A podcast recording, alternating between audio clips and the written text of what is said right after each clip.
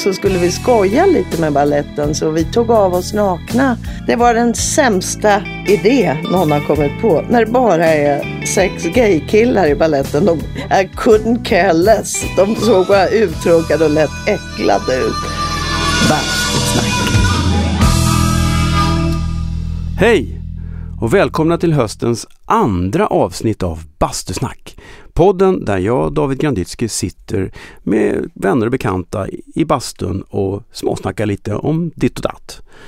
Och eftersom vi faktiskt sitter i bastun så är det ju himla fiffigt att höstens nya samarbetspartner är Tylö bastu. Det är ju så bra för jag hade ju redan ett bastuaggregat från Tylö i bastun. Det är ett eh, aggregat som heter Sense. Det är jättefiffigt för oss som har barn eller bara lite allmänt klumpiga. Det är nämligen så här att ytan på aggregatet är, är flockad som det heter. Det är lite som någon sorts sammetsbeläggning och den gör att man inte bränner sig om man kommer åt bastuaggregatet, vilket man ju lätt gör. Så det är supersmart. Dessutom så blir det ju varmt på bara 20 minuter vilket gör att man som småbarnsförälder väldigt lätt kan spontanbasta när barnen äntligen har somnat på kvällen. Gå in på www.tylö.se så kan ni se hela sortimentet allt ifrån bastuaggregat till bastumössor. Bastumössor är förresten en annan smart produkt. Det är nämligen så här att man blöter mössan och sen sätter man det på huvudet när man bastar.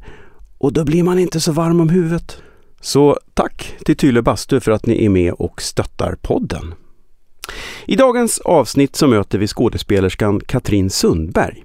Katrin var till exempel med i våras i Bullets over Broadway som spelades på Göta Lejon och eh, hon producerade även den egna föreställningen Gråt som till exempel gick på Stockholms stadsteaters soppteaterscen. Ja, och sen är det hon som är häxans urtant. Men nu över till bastun där vi tydligen snackar för fullt om sociala medier. Bastusnack. Ja, men jag brukar se dina små eh, dina små filmer på, på Youtube. Nej, förlåt, på Facebook. Ja, det var, jag, inte, jag ska då, göra fler. Då men... tänker jag, är det en dold agenda bakom dem? Har du en plan? Mm, Du har en plan. jag har en plan. Mm. För jag har en annan vän som har börjat släppa små saker. Små videoklipp, det säger jag inte. Nähä? Det får du räkna ut själv. Åh herregud jag vet jag inte om vi, har, om vi är gemensamma vänner. Men... Nej men då förstår jag att hmm, det här är en... Ja, det är lite som marknadsföring, att man börjar hinta om saker Mm, i den rent privata sfären som långsamt sprider sig Mm. utåt. mm. För att, eh, nej men, för, har vi börjat nu? Ja, vi har börjat, vi rullar hela tiden. Jaha, okej. Du, nej men för jag, för jag tänkte eh, på det här hur man förhåller sig till sociala medier. Jag är ju över 50. Ja, ser inte så förvånad ut. Eh, och vi som är över 50 och kanske till och med eh, de som är över 40. Många tycker jag har ett, ett, komplext förhållande till sociala medier och tror att, och fy nej, oh, jag vill inte dela med mig av mitt privatliv och usch nej, jag vill inte hålla på och liksom lägga ut allting. Men jag tror att vi måste tänka om lite där. Men måste man, bara för att man är på sociala medier så behöver det inte betyda att man lägger ut sitt privatliv. Jag gör ju inte det. Jag Nej, ser, jag menar det ser det. ut som jag gör Ja, men det är så jag det gör menar. jag ju inte. Nej. Eh, sen är det en annan som, som gör det på ett sätt som det känns som att de kommer att ångra om några år. Mm. Men de är ju oftast yngre. Vad skönt. De äldre jag känner, det vill säga de som är äldre än dig och mig. Mm. Jag har faktiskt sådana. De flesta av mina vänner är väldigt gamla. Ja, Den här podden är en väldigt ålderdomlig podd. och vad bra. Den yngsta gästen jag haft var 42. Och vad skönt. Snittåldern är 65-70. Oj, Mm, så då är väldigt jag ung. inte... Ja, gud vad Ja. härligt. Mm. Det är så konstigt. Jag har så Mm. mycket gamla vänner. Ja, men det är På- bra. Det är för att du är så klok. Ja. Eller ja, kanske ohipp kanske. Mm. Men du säger, ja, jag tror folk är rädda i vår generation för sociala medier. Ja. Att, att de är. Att man är rädd att det ska liksom eh, bli privat och, och liksom att man ångrar sig. Och, och jag tror mer än så, jag tror liksom att folk är rädda för att verka löjliga. Och man har ju hur många kompisar som helst eh, som kommenterar saker man har skrivit eller lagt ut som aldrig skriver en rad. De bara sitter där och smygtittar. Men det är väldigt mycket jante med det. Ja, Ja. det tycker jag. Och lite löjligt. Jag tycker inte man borde få ha Facebook om man inte lägger ut i alla fall en grej i veckan. Du skriver ju ganska mycket fast det är oftast roliga humoristiska inlägg. Och sen så hade ju du en sån här häromdagen att du hade så fruktansvärt dåligt samvete för att du hade dissat någon på Tripadvisor. Hade du sågat någon krog. Ja, Och så kände du, hjälp vad har jag gjort? Som om de någonsin kommer att få reda på det. Vem jo du? det kommer de. Alltså, Jo då, jag var väldigt tydlig även när jag var där. Eh, Ja. Och jag glömmer bort att folk faktiskt, en del, vet vem jag är. Och då blir det ju väldigt komiskt att jag är mest känd för häxan Surtant och så är jag så jävla sur. så att det där kommer de med glädje att berätta för alla de känner. Hon var surare i verkligheten. Jag har alltid undrat, apropå det, om det är en medveten parodi på Anneli Rudé. Jaså nej? Jag fick en känsla av det en gång. Jaså jag, nej? men gud, hon gör Anneli, tänkte jag. När Ja, hon är nej, som nej. värst. Oj då, nej. är Jag tror inte ens att ja. Karl eh, Nej. som har skrivit det känner henne Nej. eller har träffat henne. Däremot så var det en tant som kom fram på Ikea för några veckor sedan och sa Men jag måste bara önska lycka till med, med hunden. Eh, hunden? Ja, det var ju så roligt det där du berättade om hunden. Hunden? Jag har ingen hund. Va, när, va, när har jag sagt något om en hund? Ja, är det inte Anneli Rudé? Nej, det är det inte. Så det är så. Ja. Du har blivit... Vi är väl inte lika? Men hon har ju ingen hund. Nej, men det var något hon Heller- hade ja. sagt i något Jaha. radioprogram. Just det, ja, hon pratar ju en del i radio. Ja. Ja. Mm, just det. Jag fattar ingenting. Ja, men det påminner mig om min, min kompis Bonne, gitarrist. Ja, ja, ja. du känner Bonne. Vi stod, han och jag stod på den eh, berömda restaurangen Rogers, där Mm. vi alltid Ja, stod en vad gång i tiden var. på 90-talet. Åh, vad roligt det Titta!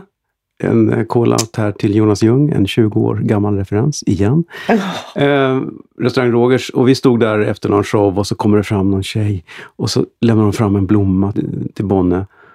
Och så tittar hon på honom och så säger hon bara, han fattar ju ingenting. Och så säger hon bara, tack Mats. Hon trodde han var Mats Ronander. Åh! Och han förnekade det inte. Nej, det Nej. kunde jag ge mig på. Det var, det, tack Mats. Ja. Tack. Vill du ha en puss? De var de var lite, ja, jo men vi hade någon, vi kom fram till det att det är ju jättebra Ja, ja, vissa visst. Jag har blivit tagen för, eh, för eh, eh, Frida också. Anne-Frid Lyngstad när jag var på Mallorca för några år sedan. Först blev jag glad. Sen blev jag jätteledsen när jag insåg hon är 75 år. Men jag tänkte de tror nog att, att eh, hon ser likadan ut som hon gjorde på 70-talet. Så jag tackar så mycket. Det är fint. Mm. Det är jättefint. Mm. Ja, men det var en vildpremmande version. Det var inte Benny som kom fram. Jo, det var ju det. Bastusnack. Du kanske startar en podd alltså? Ja, Mm. jag är sugen. Men det är, ja, det går mycket runt i huvudet Mm. vad det formen ska vara. Jag lyssnar otroligt mycket på eh, jag vet inte om man heter det poddar när det är på Sveriges Radio. Jag lyssnar Ja, på det är så konstigt för att jag, Vetenskapens alltså Ja. jag lyssnar på program. Vetenskapsradion Historia, jo, Ja. men de gör ju poddsändningar också. Men vad är skillnaden är- på podd och ett radioprogram? Helt så här mansplaining taget ur killgissningsträsket så skulle jag säga att en podd kan vara lite längre och inte lika styrd av eh, tider och sånt. Men jag tror att Sveriges Radio egentligen bara, deras poddar är återutsändningar av saker de redan har sänt. Både och tror jag. Ja. Både och. För, för till exempel eh, Stefan och Christer säger jag, det heter de inte. Christer och Morgan heter de. De fortsätter sina sändningar på webben efteråt. Just. Eftersändningstricket, ja. Jag vet inte hur länge de håller på. Det kräver ju väldigt mycket av lyssnaren. Ja, Mm. Nu ska jag stänga av radion här och gå och hitta min dator eller telefon och så ska jag gå in på Eh, För jag tycker, jag tycker lite att radio är radio. SVT Öppet arkiv kan man gå Mm. in på, SR arkiv sådär. Men poddar är nog en egen form, tror ja.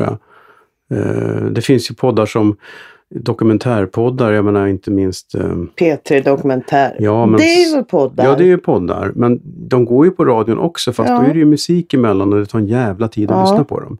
Podden är mycket effektivare för det är ingen musik. Man kan välja. Kan man? Ja. Jaha. Jag föredrar utan musik Ja, för jag vill höra jag en med. historia från A till Ö. Liksom. Det, det är spår till exempel Ja, som inte går på radio. det. Ja. Den är ju briljant. Ja. Eh, idén är ju inte ny, det, det har ju funnits förut men de, har ju, de fick ju Kajlina friad. Mm, ja, ja visst. Nej, de är så, Eh, den, det alltså, jag är den var den bästa. Mm. Den var så spännande så att man, när de åkte och körde Mm. samma slinga. Åh, vad bra! Men, den är, men även de gamla tycker jag, Fontainebleau och, och Ja, jättebra. Den eh, Kate. Cederholm-fallet var ju helt makabert när man inser hur, vilket uh, rättshaveri Ja, det var. Fontainebleau. Ja, det är roligt. Ja, Fontainebleau. Jag har alltid Inte sagt blö. Fontainebleau. Ja, jag nej, med. men, jag har alltid, men de säger Fontainebleau. Heter det Det Fontainebleau? heter Fontainebleau. Fontainebleau. Men, ja, ja, okej. Blå, är det franska fortfarande då? Jag vet. Fontaine är ju... Bleu, bleu, ja, l'amour est bleu. Så jag vet inte varför Nej, det heter blå. blå. Men det var de väldigt tydliga med. ja. Eller, För jag tänkte, säger de fel hela Ja, tiden? det- jag, det är inte först- möjligt. nej. Två killar som gör så mycket research Nej. på allt kan ju inte sitta och säga... Precis så sa vi i bilen också. Varför säger de blå? Eller vi. Det var inte vi som sa. Jag sa varför säger de så Magnus? För att det heter så sa Magnus. Så han satt där och visste allting.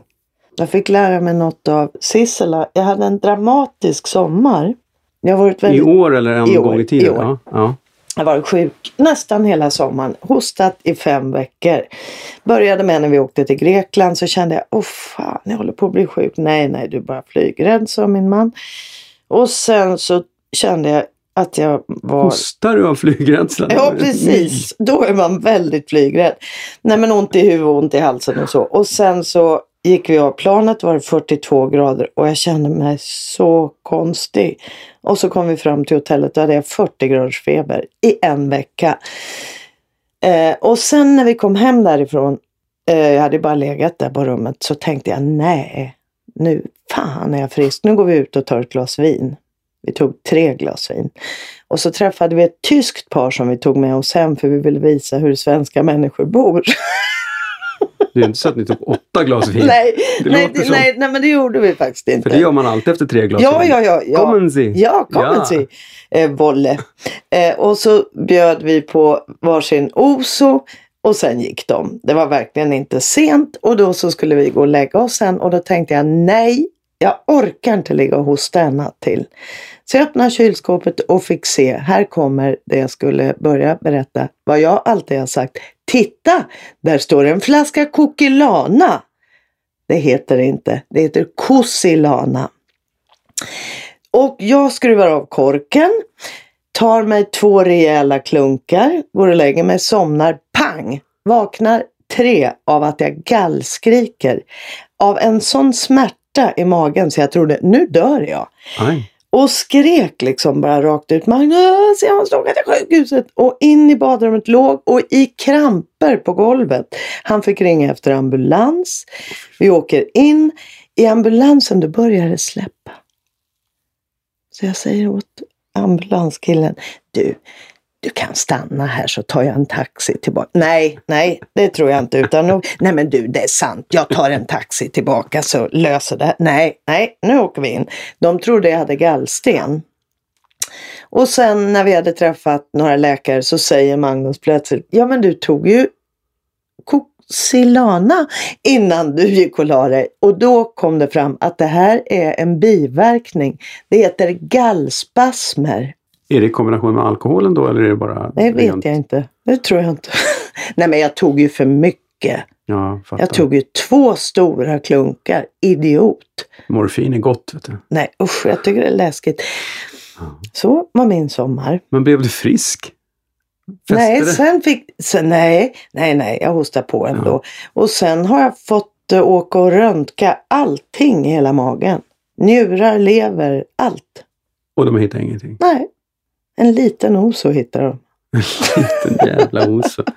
Sa att tyskarna la någonting i drinken. Ja, precis. Kossilana. Kossilana. Jag har alltid sagt ja, Kossilana. Ja, ja. Det är därför man aldrig får någon när man ber om det. Ja, Jag får lite Kokilana. Nej, Nej, det kan du inte. säg vad det heter. Ja, Kossilana. Okej, mycket vill du ha? Två liter. Ja. Det funkar ju i alla fall. Det är det enda som funkar. ja, det är det enda som funkar. Det är för man blir helt knockad. Man orkar inte hosta.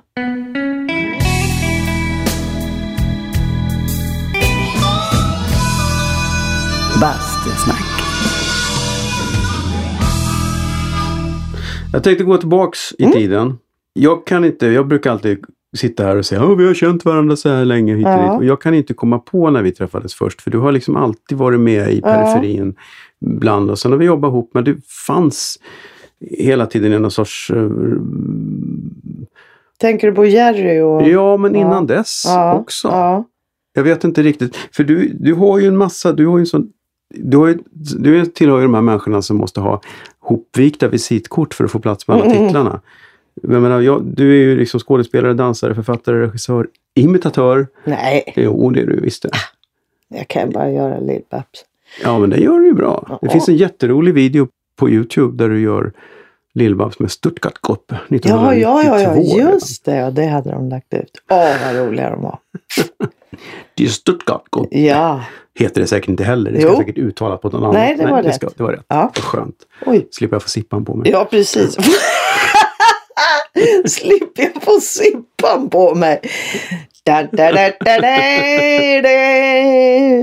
Frågor på det. Nej, nu fick jag sippan på mig igen. Det här är den interna podden Bastusnack. Ja, Podden där vi pratar om folk ni inte känner. precis. Och Eh, aldrig kommer få Men vi, träffa. nu förs- försöker du smita från ämnet här. Nej då. Vad är du först och främst? Vad började du? Vad är du egentligen?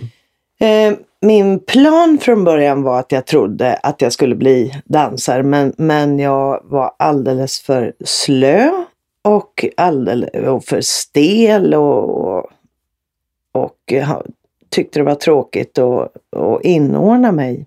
Men du gick eh, Ackis och sådär? Nej, jag har bara gått, eh, jag har gått en ett år i förberedande, sen har jag gått mycket och tagit proffsklasser på Akis och gick hos en underbar man som heter Herman Howell. Som vi var liksom hela det där, nu tar vi ytterligare lite namn som ingen känner till. Tine Mattelessi och Petra Nielsen och alla de här gick och dansade hos honom. Roligt var det. Eh, men sen började jag koreografera väldigt tidigt. Så min första stora koreografi jag gjorde var till musikalen Ringo på Göta Lejon som jag skrev grundmanuset ihop med Birgitta Götestam. Men det är rålänge sedan. 1985 Just började vi och 86 var det premiär. Wow. Ja, Men då var du 12 alltså? ja precis. Ja. Det var jätteliten. Men hur fick du det? Jag kände Birgitta sen Örebro för att hon och Peter Flack eh, är ju från Örebro. Så att min, när jag var tre år så regisserade min pappa dem i Vadköping i Örebro och då sprang jag liksom och var med på repetitionerna och, och lite sådär otäckt lärde mig hela pjäserna utan till. På faktiskt lite nästan konstigt att vara tre år och kunna det. Men eh, så att eh, de har funnits i mitt liv jämt. Och sen så när jag blev äldre så var jag med i revyerna i Örebro 78 och, och 79. Men du har, har du, du har teaterbakgrund i familjen då eller? Ja. ja. Pappa har alltid spelat och regisserat parallellt med att han haft andra jobb. Och sen har han tagit tjänstledigt och, och gjort grejer med Örebroensemblen och så. Sen spelade han Markurell i Vadköping eh, i säkert fem år i rad. Mhm. Som Georg Malvius regisserade. Och det var väldigt eh, kul att pappa fick liksom göra ett sånt sent break i livet. Och jag hittade recensioner både från liksom DN och Aftonbladet och Expressen där han hyllades liksom på ett sätt som jag inte förstod då. Vad roligt. Ja, jo- men vad jättekul. jobbade han med egentligen då? Han jobbade på Kulturnämnden och sen så jobbade han eh, eh, som skolkurator när jag var yngre. Eh, och sen så var han ansvarig för något som hette Örebro Promotion som liksom hade med att marknadsföra Örebro tror jag. Jag fattar inte riktigt vad det där var. Men var det mycket liksom teater hemma? Såg, såg man på TV-teatern och Ja, ja. gick ni Oh, på ja. teater? Och, Ja, ja. och jag jobbade och sålde godis på teatern så jag såg allt. Aha. Och jag såg liksom varje föreställning. På den tiden när Riksteatern var ute på turnéer då låg de ju med liksom stora musikaler i en vecka. Mm. Så Chicago i originaluppsättningen med Busk-Margit Jonsson som Roxy eh, och Olle Ljungberg som Billy Flynn Oj, och Gunnar Nielsen som Mr Cellophane. Den tror, jag tror jag såg den ja, sju dagar i rad liksom. okej. Jösses. Mm. Ja, den har ju gått några varv sedan dess. Ja. Inte just den uppsättningen, men... Det, det är jag så ledsen för att jag inte har fått göra så att mitt hjärta går sönder. Ja. Jag ska sätta upp den själv, göra alla roller själv. Men vad gjorde din morsa då? Bibliotekarie. Ja. Så att jag har suttit så jävla mycket på bibliotek och hållit käften. Det är därför jag måste prata så mycket numera. Det kompenserar. Ja, fy fan. Shh, shh. Ja, mamma, mamma, shh. Bibliotek. Jag fick, åh, Men bara är, ju, lukten. så är det ju på teatern också. Jag är uppväxt på teatern och där lärde man sig snabbt hålla Ja. käften. Annars Ja. blir det jävla liv. Ja. Och Mm. satt in i en skrubb och lekte med lånekort. Hur tråkigt kan man ha? Och liksom la patiens med sådana här lånekort. Och lekte att det var en kortlek. Det är Hur lite- tråkigt kan man Det ha? är ju lite Monty Python. Ja. Vi hade bara lite grus och Ja. Jag lekte med lånekort. Lånekort, jag skulle varit förbannat glad Ja. om jag hade haft lånekort. Och det roligaste man kunde göra på biblioteket det var att åka på den där klöverpallen som liksom stoppar när man sätter sig på den. Ja. Så kul var det. Vad härligt. Ja, jätteroligt. Så mamma öste böcker över mig så jag var så jävla obstinat. Jag ville inte läsa på väldigt länge. Och sen när jag började läsa och träffa en intellektuell kille och då tog jag liksom steget från noll till Kafka och Slebnikov och liksom. Och då blev det, då var det fel. Du ska alltid vara så märkvärdig och läsa konstiga böcker. Läs vanliga böcker. Jaha, vad är en vanlig bok för något?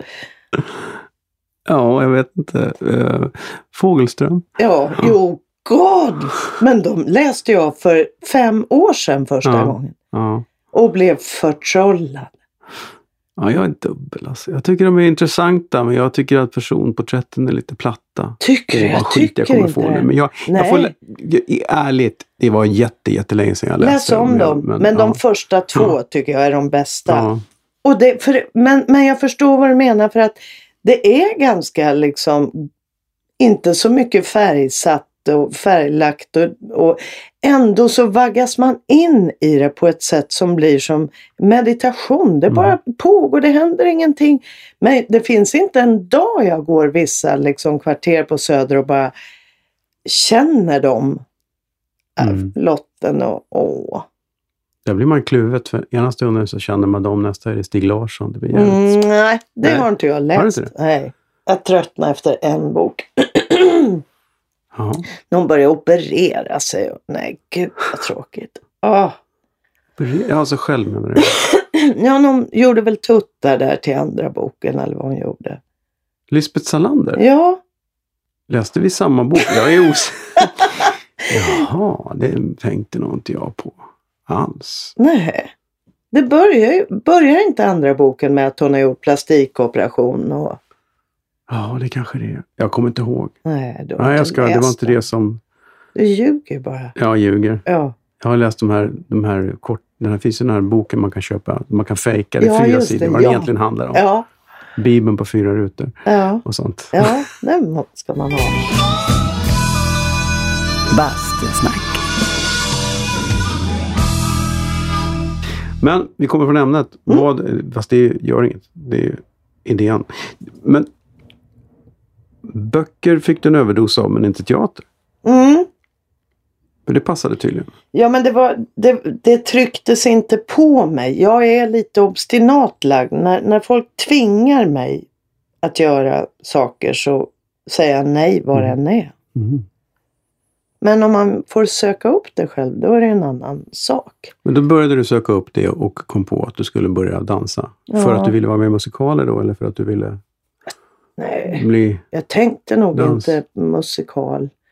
Jag tänkte inte att det fanns. Det var bara liksom jag började med att hålla på med gymnastik och sen så eh, gick jag över till sån här rytmgymnastik med bollar och tumband och, och sånt där. Och då fick man, var man tvungen att ta klassisk ballett en gång i veckan för det skulle ingå. Och då började jag få smak på dans. Men ja, Ja, ja. Men då dansade du, men då dansade du i Stockholm. ja, Du flyttade hit. Ja, jag flyttade. Jag bestämde mig när jag var typ ja, 18, 17, 18. Nu ska jag flytta till Stockholm. Jag står inte ut. Jag kvävdes i Örebro och det har jag fått så mycket skit för så får jag väl ännu mer skit nu när jag säger det igen. Men jag, jag tyckte det var jättesvårt och, och Jante var kraftig där och man Mm. fick, jag hade för stora drömmar och liksom och för stora ambitioner och, och, och dolde inte det. Jag ville liksom verkligen bli bra och jag ville framåt. Och det får man inte tycka på det sättet. Och jag hade konstiga kläder och liksom, ja, tyckte de. Jag tyckte jag var skitsnygg. Så att då bestämde jag mig för att flytta till Stockholm. Då åkte jag upp, då hade jag eh, pratat med Arbetsförmedlingen och så hade man fått ett antal ställen man skulle besöka och, och jag hade, ja, jag var väl inte, jag sa väl kanske att ja, här vill jag inte jobba, jag vill ju bli dansare. Så att då var det inte så poppis. Och fick inget jobb. Och sen så skulle tåget gå om en halvtimme och så tänkte jag nej, jag ska ha ett jobb innan jag åker hem. Så då gick jag hela Vasagatan in i varenda affär. Och så gick jag in i något som heter Tobacco Center, en liten elegant tobaksaffär som tyvärr inte finns kvar. Och då sa han, jajamän, börja på måndag. Och då Wow. så packade jag en väska och flyttade hem till Eva Svarts, min kompis som då hade separerat och vi bodde på 19 kvadrat hon och jag i en sommar. I ett hav av kläder. Oh, ja, men ni var typ 19, eller? Nej, inte hon. Hon var väl, eh, hur gammal är hon? Hon var väl typ 25. Jaha. Men du var typ 19? ish. 18, ja. 18. Då är det inte så noga. Nej, vi hade så fruktansvärt roligt. Och så var ni säkert aldrig hemma ändå. Nej, Nej. det var bara att byta kläder. Det är jobbigt om man var ragg bara, men det kanske ni inte höll på med. Nej, Nej. inte i den lägenheten i alla fall. det fanns ju fler Nej, lägenheter fanns i Stockholm. Ja, ja, jo, jo. Såklart. Men hur gick det sen då? Du gick dansskola och... Ja, och så jobbade jag på eh, den här tobaksaffären. Och sen åkte jag tillbaka till Örebro och gick den här ettåriga utbildningen ett år. Och sen så åkte jag tillbaka till Stockholm igen och då började jag jobba på Café Madeleine som inte heller finns kvar, som också var ett legendariskt. Kommer du ihåg? Jag har hört talas om det, men jag... Nej? Jakobsbergsgatan, den där lilla snutten Mm. mellan Biblioteksgatan och Birger. Mm. Och där satt Jonas Gardell till exempel. Alla var där. Och då var det en, en disk där nere och så var det en trappa till övervåningen och där stod kaffet. Och chefen hade sagt åt oss, ingen får bara köpa en kopp kaffe. De måste köpa någonting till. Och när man stod i disken så var det en spegel precis i trappen upp där ingen kunde låta bli att titta i.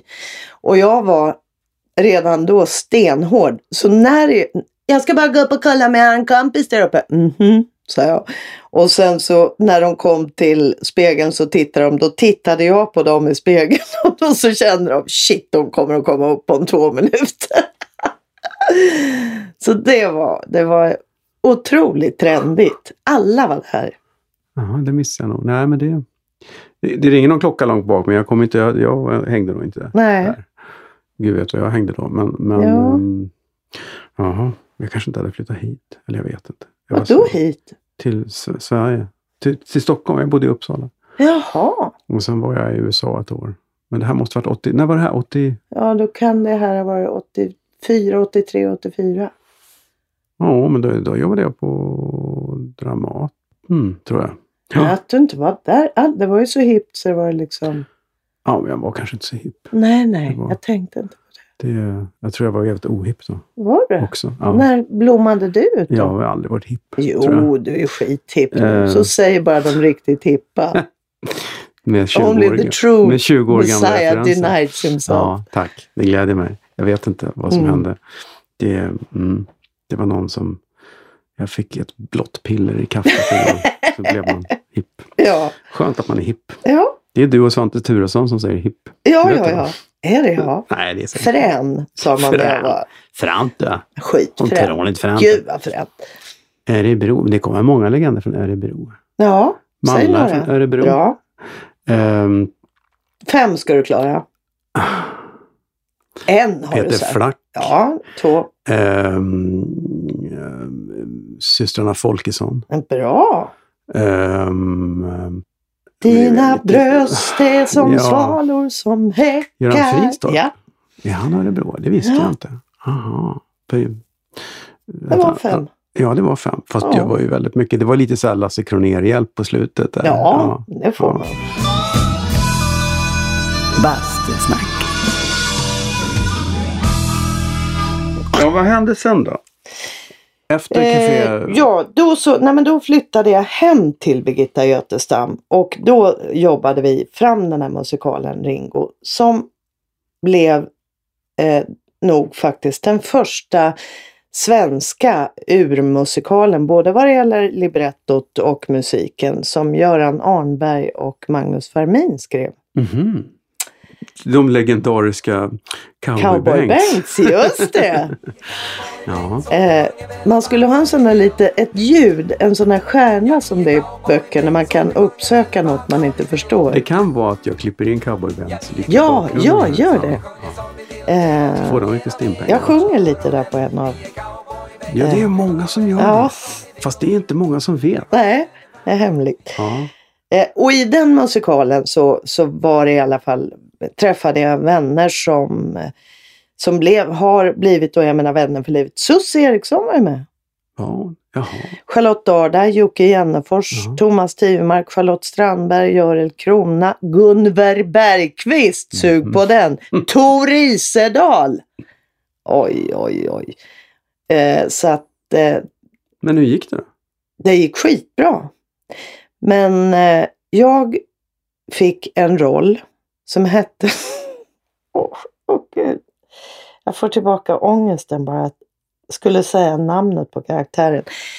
Oh, jag skulle spela huvudrollen Ringos ande. Amelia. Så jag hade samma kläder som hon fast vita. Men Birgitta kunde inte riktigt bestämma sig för om hon ville ha med den här karaktären eller inte. Så en dag innan premiären då bröt jag ihop och bara gick in till henne och sa Nu får du fan bestämma om jag ska vara med eller inte. För då när vi hade haft publikrep då hade det, var det inget ljus satt för min karaktär. Så jag hörde dem på första bänk som satt och sa Vem fan är det där? Vad är det för någon? Åh, jag skämdes som en hund. Men hon var med sen? Ja, tyvärr. Alltså var det... Ja, det var jättekonstigt. Hon var väldigt inne på sånt där andligt och så, Birgitta, och det skulle vara... Det var Men den gick bra men, men Ja, det gick du låter bra. lite grann mellan raderna här som att du inte tyckte att den var Nej, så... det var... Eh, jo då, den, den var jättebra. Det var väl min roll som inte var så passa så bra in kanske. Men det var, det var en, absolut en succé och Peter Jöback har sagt till mig att jag tror han sa att han såg den sådär fem, sex gånger och bara det var då jag bestämde mig att jag ville jobba med musikal. Så något gott gjorde den väl. Det är bra. Mm. Vilken tur. Ja, Annars hade, han, hade ni inte gjort Ringo hade Peter Jöback jobbat på... Beckers På färg. Beckers färg. Wirströms färg på Folkungagatan. Just det. Ja. ja, men sen efter Ringo så stod portarna öppna. Alltså, kom- Eh, kom- Just det, innan Ringo då hade jag faktiskt gjort en musikal redan. Fantastics. Eh, Minns i november den ljuva september. Mhm. Den som länge var the longest running show on Broadway. Den gick sådär i 34 år på Broadway. Så den hade vi varit ute med på eh, Riksteatern. Här kommer ett namn till. A blast from the past. Pontus Platin var med. Surre. Surre. Mhm. Så att eh, sen blev det mer musikaler. Då var det eh, Sara, musikalen om Sara Leander som Eva-Britt Strandberg Mm. gjorde huvudrollen. Det var ju en megasuccé. Ja, det var kul. Dan Ekborg var rolig att vara med och Charlotte Strandberg och jag var balletten. Ni två. Ja, vi var helt hopplösa. Sen var det bara liksom lite äldre eh, homosexuella killar i balletten. Och de var, några av dem, så extremt roliga när de skulle spela nazister. Fru Leander, herr riksministern väntar. och någon gång så skulle vi skoja lite med balletten så vi tog av oss nakna, eh, Lotta och jag, och så flashade vi i, i en byxa. Det är en sidoscen där inte publiken ser den utan bara de på scen. Det var den sämsta idé någon har kommit på när det bara är sex gaykillar i balletten. De? I couldn't care less. De såg bara uttråkade och lätt äcklade ut. Så det var meningslöst. Och det förstod ni inte innan? Nej, vi tänkte inte på det. Vem kan motstå dessa kroppar? Det var många som kunde. Sen började jag jobba med tv faktiskt. Eh, då var det i den kommersiella tvns vagga. Min dåvarande eh, pojkvän startade ett produktionsbolag som hette Woof. Och eh, där jobbade jag och gjorde reportage och klippte trailers och liksom och jobbade med tv helt enkelt. Så du lärde dig det från början där? Ja, det var en väldigt, väldigt rolig tid för att det var ju ingen som hade en aning om man gjorde tv. Vad gjorde ni för program? Det första vi gjorde hette Nattpatrullen som var Det var när TV3 startade. Vilket år var det? Det är 80-tal va? När de sände från London? Precis, Ja, jag var mm, i London. Mm, mm. Vi var där och var med på första sändningen. Då var Annie Wigelius chef där. Och det havererade liksom, det var på nyårsafton tror jag första sändningen var. Skulle börja med en nyhetssändning och det sprack liksom direkt. Och så där, "Ah, nej, Du var nyhetsankare? nej, alltså? nej, nej, absolut. nej. Vi var bara där och, och skåla och heja. Vad var det som sprack? Ja, det, sändningen det, det gick funkar inte och. Nej. ljudet Jaha. sket sig och jag vet inte vad det var.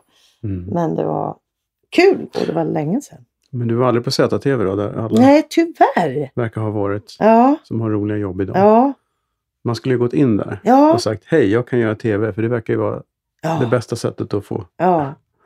Det var ju jättebra grejer de gjorde. Ja, och skit. jättemånga dåliga grejer. ja, det var jätte... Och långa sådär. Liksom, programmen var ju, kändes som de pågick i tre timmar. Ja, halvimproviserade. Ja. Mm. Peter det var- Sipen. Ja, ja. Geni. Mm. Knesset. Ja, och Knesset, det var bland det bästa. Ja. Ja. Man vill ju bara sitta där och Ja. också. Jag kan, också- hallå, jag vill också säga något. Varför gjorde du inte det då? Ja, varför gjorde jag inte det? det jag, kom aldrig. Jag, jag var inte hipp då heller. Hade jag Nej, varit hipp då så hade jag säkert gjort det. Ja, Man har ju inte den... eh, Ja, självförtroende. nej, jag vet inte. Jag tänkte nog inte ens på det Nej. då. Det, jag tycker det, det här om jag ändå visste då vad jag vet nu är en väldigt bra sanning. Ja, Fan vad... Men det, man hade inte varit den man är idag heller. nej. Kanske. Men du, TV, fasiken vad du hattar runt. Men du... du har, när började du skriva? Eh, Jag är ju eh, ordblind. Så jag har haft så otroligt dåligt självförtroende för att skriva överhuvudtaget. Liksom. Så jag trodde att det är ingen idé att ens göra ett försök. Men då hade jag så mycket saker i huvudet också som var tvunget att komma ut. Så då skrev jag, det första jag skrev var Utan en tråd hette det en eh, föreställning som jag skrev ihop med Carolina Falk, Karin och Åkes dotter. Och då så skrev vi den i, i olika liksom, segment och sen så satte vi ihop det. Och det spelade vi på Cornelisrummet i på Mosebacke. Och det var ju skitnervöst. Jag, Charlotte Strandberg, My Holmsten. Det Eh, minns jag. Det ja. måste ha hållit på ett tag. Ja, det gjorde det förstår du. Det började ju liksom med att vi spelade för i stort sett våra kompisar. Och sen av en slump så fick Ulf Elving nys om det här. Så han kom och gjorde ett live-inslag. Och då var det sådär som det är i amerikanska filmer. När signaturen på det programmet var slut, då brann telefonerna. Sen var det så mycket folk. Så att en gång, vi hade 90 personer i Cornelisrummet. Det är ungefär så stort som den här bastun. Mm. Då var det en som svimmade där inne. Som de fick skicka liksom mellan sig ut. Så mycket folk var det. Det låter som en skröna men det är sant. Och då kom även Hannes Holm och tittade som då var dåvarande dramachef. Och då så tyckte han att det var så kul så han ville göra en sitcom på de här karaktärerna. Så då skrev Caroline och jag en sitcom som också hette Utan en tråd. Wow. Ja. Den minns jag däremot inte. Nej, Jag minns, jag kopplar ihop det med den ligger Mosebacke. på öppet arkiv. Det får vi se. Okej, jag ska länka det. Vi har en Ja, Facebook-sida. ja, ja. ja. För det är Ja. faktiskt bitar som är väldigt roliga. Eh, våra mammor spelades av Kim Andersson, Inga Gill och Yvonne Lombard. Underbart. Mm.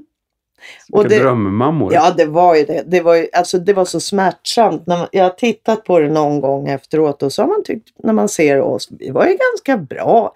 Sen kommer de in och man bara, åh fy fan. Ställen som man säger i skåp. Det kan Mm. man säga. Men eh, den sitcomen, Mm. gav den mer... Fick du mer manusjobb? Av det? Uh, ja, men då För ni hade var jag med, ni skrev och spelade. Inte, inte Carolina, bara jag. Ja. Det var alltså så mycket som jag jobbade just då. Det har jag aldrig gjort. För då satt vi och skrev på tv-serien på eftermiddagarna. Sen gick jag och spelade eh, revy på Stora Teatern, Flott och lagom. Just den minns vi. Ja, sen åkte jag nattåg, sov på tåget till Göteborg, repade krogshow som jag regisserade med Lill-Babs på Trädgården, åkte tåg, skrev, spelade, åkte nattåg. Det är lite mycket kanske. Ja, Men du hade ju sånt flyt. Visst är det ju så att man, när man frilansar länge och har haft det kämpigt, när det väl lossnar så säger man ju inte nej till någonting. nej, nej, nej, det gör man inte knappt nu heller. ja, du är ju lite mer etablerad nu. Tycker Ja, man. nej, men man Ja.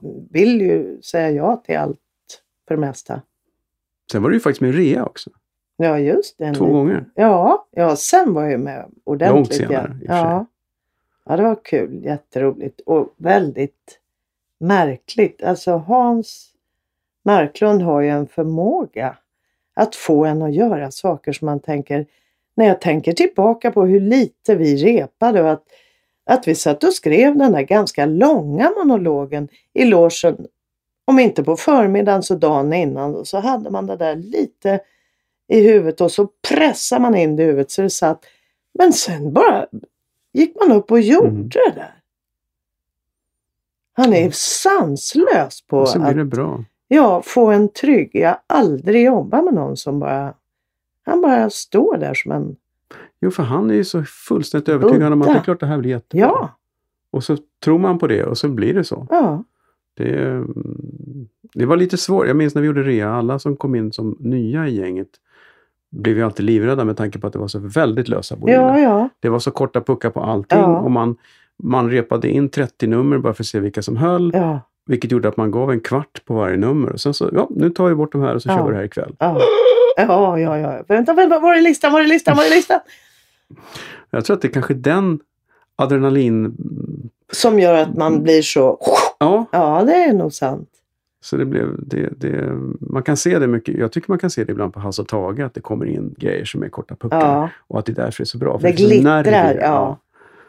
Det, det är motsatsen till liksom eh, privatteaterfarser som- är inne på andra året. ja, ja. ja. Så där, där de vet redan vad de ska säga. Broadway-caster. Ja. Cast nummer 15. jag såg en föreställning i vita på Broadway. Den hade väl gått hur länge som helst. Då stod kören och tittade på klockan. på scen. Man bara... Eh, Kanske, ja. Det är lite uppenbart. ja, Men vad är, det, vad är det roligaste projektet du har framför dig nu då? eh, jag ska åka till Irland och spela in Lasse-Majas detektivbyrå långfilmen. Mä? Så vi ska eh, vara i Dublin. Jag ska nog vara där i två veckor tror jag. Det är ju topp. Ja, skitkul. Jag har aldrig varit där. Irland, måste den spelas in på Irland? Är utspelas den där? Nej, jag nej. allting var i den här lilla påhittade staden. Ja. Vallsjö, vad heter den? Vall. Valleby. Valleby. Eh, nej, det var nog en ekonomisk eh, fråga som gjorde att det blev Viland till slut. Och de är ju, de är ju otroligt duktiga och drivna där, teamen, för de gör ju Mm. alla de här stora serierna. Så det är ju liksom en effektivitet som Mm. är fantastisk. De har ju en typ av kulturskatt som är så låg. Det är därför det har blivit så mycket Ah, eh, inspelningar skatteparadis för filmare Ja. helt enkelt. Är det. Mhm, det hade jag ingen aning om. Ja. Det... Men vad, vad, vad spelar det för roll där? En rektor. Ja. Som heter, de heter ju så roligt de där. Med samma, Ja, ihåg samma begynnelsebokstav på första och andra namnet. Eller på, Ja, på just för och efternamn jämt. Ja, jag är ledsen, jag kommer faktiskt inte ihåg vad jag heter. Nej, men det, då har vi något att se fram emot. Ja, det hoppas jag. Bastusnack. Ju, jag läste någonstans på Wikipedia Mhm. att du har skrivit en bok också. Ja, det är inte så mycket. Det är inte jag som har skrivit så mycket i boken. Utan boken bygger på lappar som barn har skrivit. Ah, Och sen har jag skrivit krönikor emellan kapitlen. Och så har jag varit med och valt ut de här lapparna. Så att förstår. det är som, tyvärr som, det är som en ingen- sån här som David Batra brukar ge. Precis, det är Lappar samma förläggare. Mm, ah, lappförläggaren. Ja, just det. Ah. lappen. Du skriver ju en del. Du skrev ju...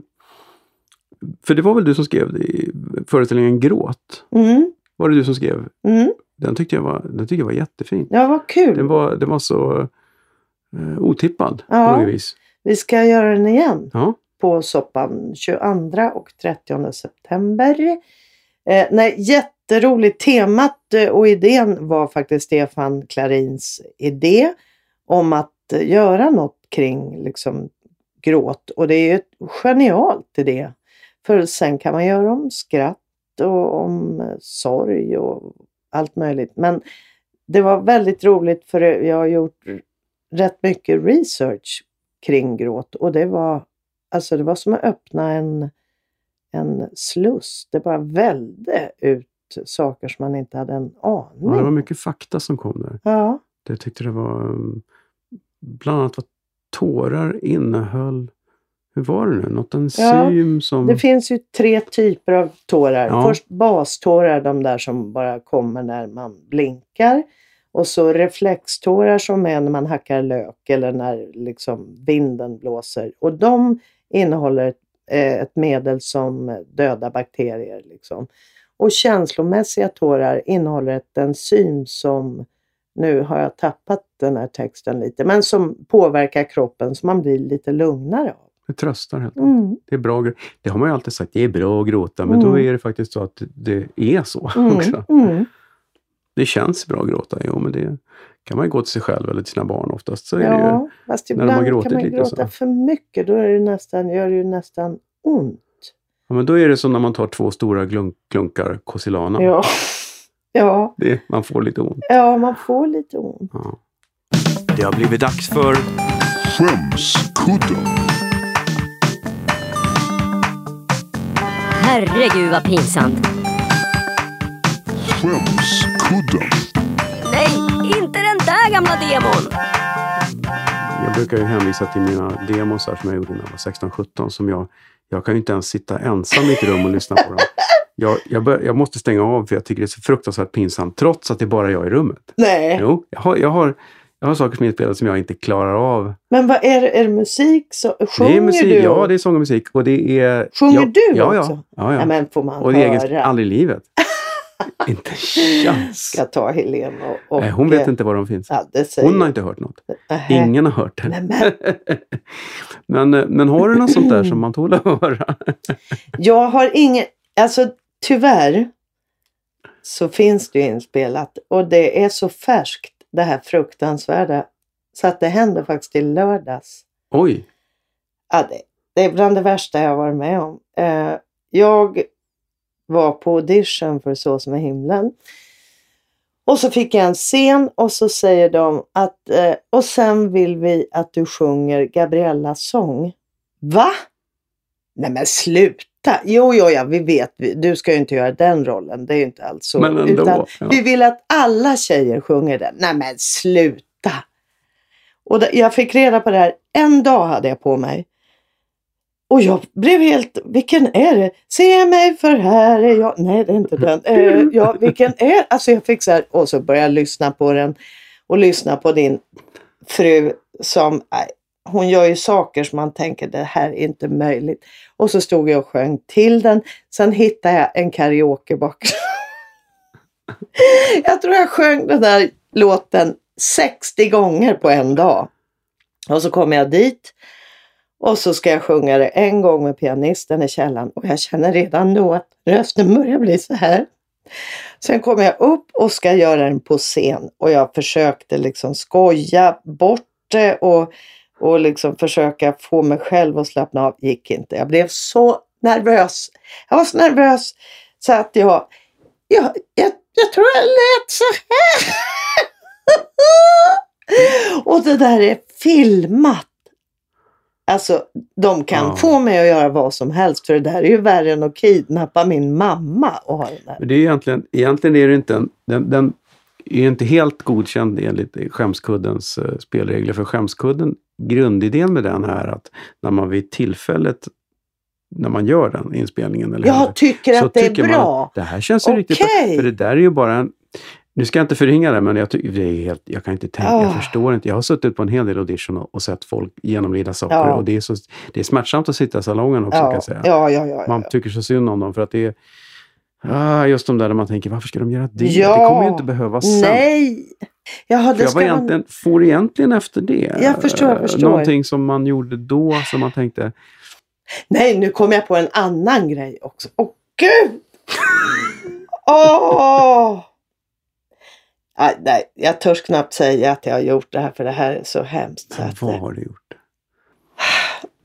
jag kommer inte ihåg. Vilket år var det Thomas Brolin bröt foten? Du vet. Vadå? Du glömmer bort vem du pratar med. Jaha, okej. Sen sportmatcher. eh, jag har ingen aning. Ja, han bröt ju foten i alla fall, vet han de säkert. flesta. Ja, det gjorde han. 90-talet kanske? Ja, det var det. Han eh, fick då avbryta sin fotbollskarriär.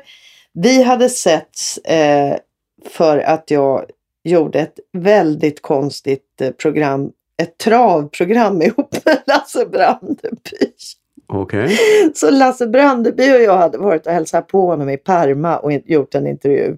Så där hade vi lärt känna varandra, Thomas och jag, Brolin. Sen skulle det göras en serie reklamfilmer för Statoil som skulle göras som en gameshow på 30 sekunder. Och då droppade jag idén att vore inte Thomas Brolin rolig som program? Ah! och det där eh, gjorde vi och han var inte programledarmaterial, det kan ingen säga. Och det var ju tvungen att gå så otroligt fort. Så han skulle säga Hej och välkomna till Statoil. Liksom så. Var köper man bollar när man är på väg ut till landet? På Statoil såklart, skulle han säga. Och så skulle vi ta det där på Statoil såklart. Ja, okej, kameran rullar, varsågod. Ja, varsågod Thomas. På Statoil såklart. Nej, nej. På Statoil såklart. Ja, ja. En gång till, då rullar det. Varsågod, när du vill. På Statoil såklart. Nej, på Statoil såklart. Ja, en gång till tar vi det. På Statoil såklart. Nej, nej, nej. Var, tänk så här, tänk så här. Var köper man bollar? Var kan man köpa en kexchoklad eh, dygnet runt? På Statoil såklart. Ja, ja, mm. ja, då rullar vi. Varsågod, ta den igen då. Mm. På Statoil såklart. Nej, nej, ja, ja. ja. men vi tar den. Vi tar, alltså det där blev det, det blev så dåligt att det finns inte ord för det. Men användes den? Ja! Oj. Ja.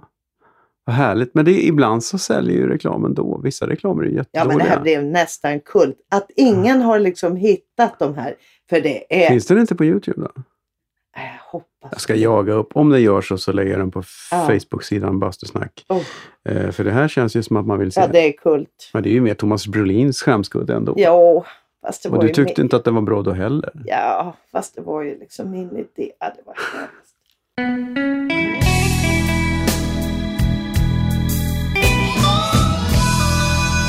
Bastusnack. Hur kommer det sig att du bara imiterar folk? Eller gör du bara Lill-Babs? Gör du någon annan också? Nej, jag gör ingen annan. Jag gör bara, imiterar om folk ber mig. Det är inget jag håller på med hemma själv. Imiterar Magnus? Nej, han är däremot jättebra på att imitera. Jaha. Jag har ju Barbro-boken där. Som Ja, jag såg det. Vad fin! Hon var här och levererade. Åh, jag älskar saker. Hon Barbro. satt här och berättade om när hon kissade på sig på scenen. Nej, Hon gick ner i spagat. Någon, ja, ja, vad kissade hon på sig? Hon skulle göra något och hoppade i, i en split och då gick det som det gick. Och det rann ner för scenen. Ja, det, men det, det stoppades av någon Nej, kant. vad skrev- Du får roligt. lyssna på, Åh, vad roligt. lyssna på det Och avsnittet. det är så roligt det där någon har, har glömt ett sånt där stämband i skon. Det var ju på, på vad heter det, börsen. Hon sa, fan vad ont i, jag har ont i foten. Då, hade det, då låg den sånt där, En sån där som spänner upp Ja. En sko. ja, Vad fan heter det? ja. Ja, en sån där man har i skon för att den ska hålla spänsten. ja. Hon, satte ner, hon gick in Hon på gick in, ja hon körde. Da, da, och bara aj, aj. Och när hon droppade nagellim i ögat, berättade hon det? Nej, Åh shit. har hon gjort det också? Hon trodde att det var eh, ögondroppar och det var nagellim. Det starkaste som finns. Och bara, Ja, det hon är väldigt Ja, rolig. Bastusnack. Nej men hör du, Ja, eh, Katrin Sundberg, du är ju ingen surtant alls du. nej, Men eh, tack för att du kom hit och nu hoppar vi i spat för jag är varm. jag är jättevarm. Ja. Vet du, jag har faktiskt baddräkt med mig. Bra, Jag har inte badat någon gång i sommar. kör på det men eh, sitt inte här naken, ta på Nej, dig nej. baddräkten. Ja, precis. Så hoppar vi. Ja, Tack. tack.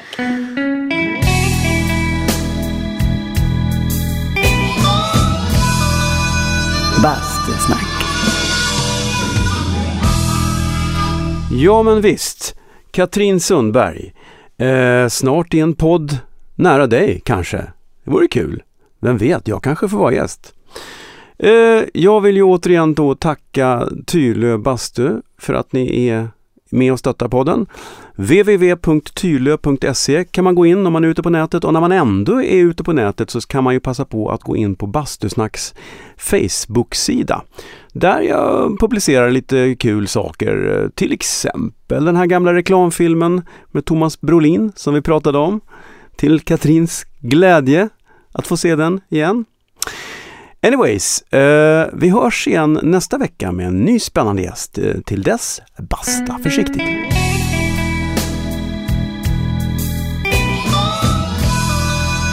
Bastusnack.